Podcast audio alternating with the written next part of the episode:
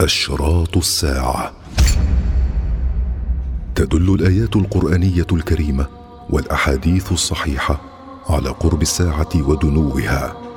فإن ظهور أكثر أشراط الساعة دليل على قربها وعلى أننا في آخر أيام الدنيا. أن تكون التحية للمعرفة.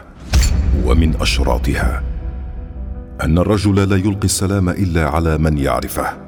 ففي الحديث عن ابن مسعود قال قال رسول الله صلى الله عليه وسلم إن من أشراط الساعة أن يسلم الرجل على الرجل لا يسلم عليه إلا للمعرفة.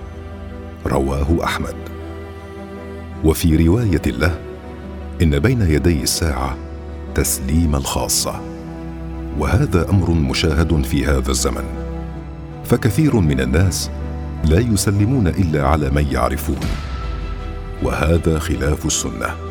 فإن النبي صلى الله عليه وسلم حث على إفشاء السلام على من عرفت ومن لم تعرف. وأن ذلك سبب في انتشار المحبة بين المسلمين التي هي سبب للإيمان الذي به يكون دخول الجنة. كما جاء في الحديث عن أبي هريرة رضي الله عنه قال قال رسول الله صلى الله عليه وسلم لا تدخلوا الجنة حتى تؤمنوا ولا تؤمنوا حتى تحابوا. أولا أدلكم على شيء إذا فعلتموه تحاببتم؟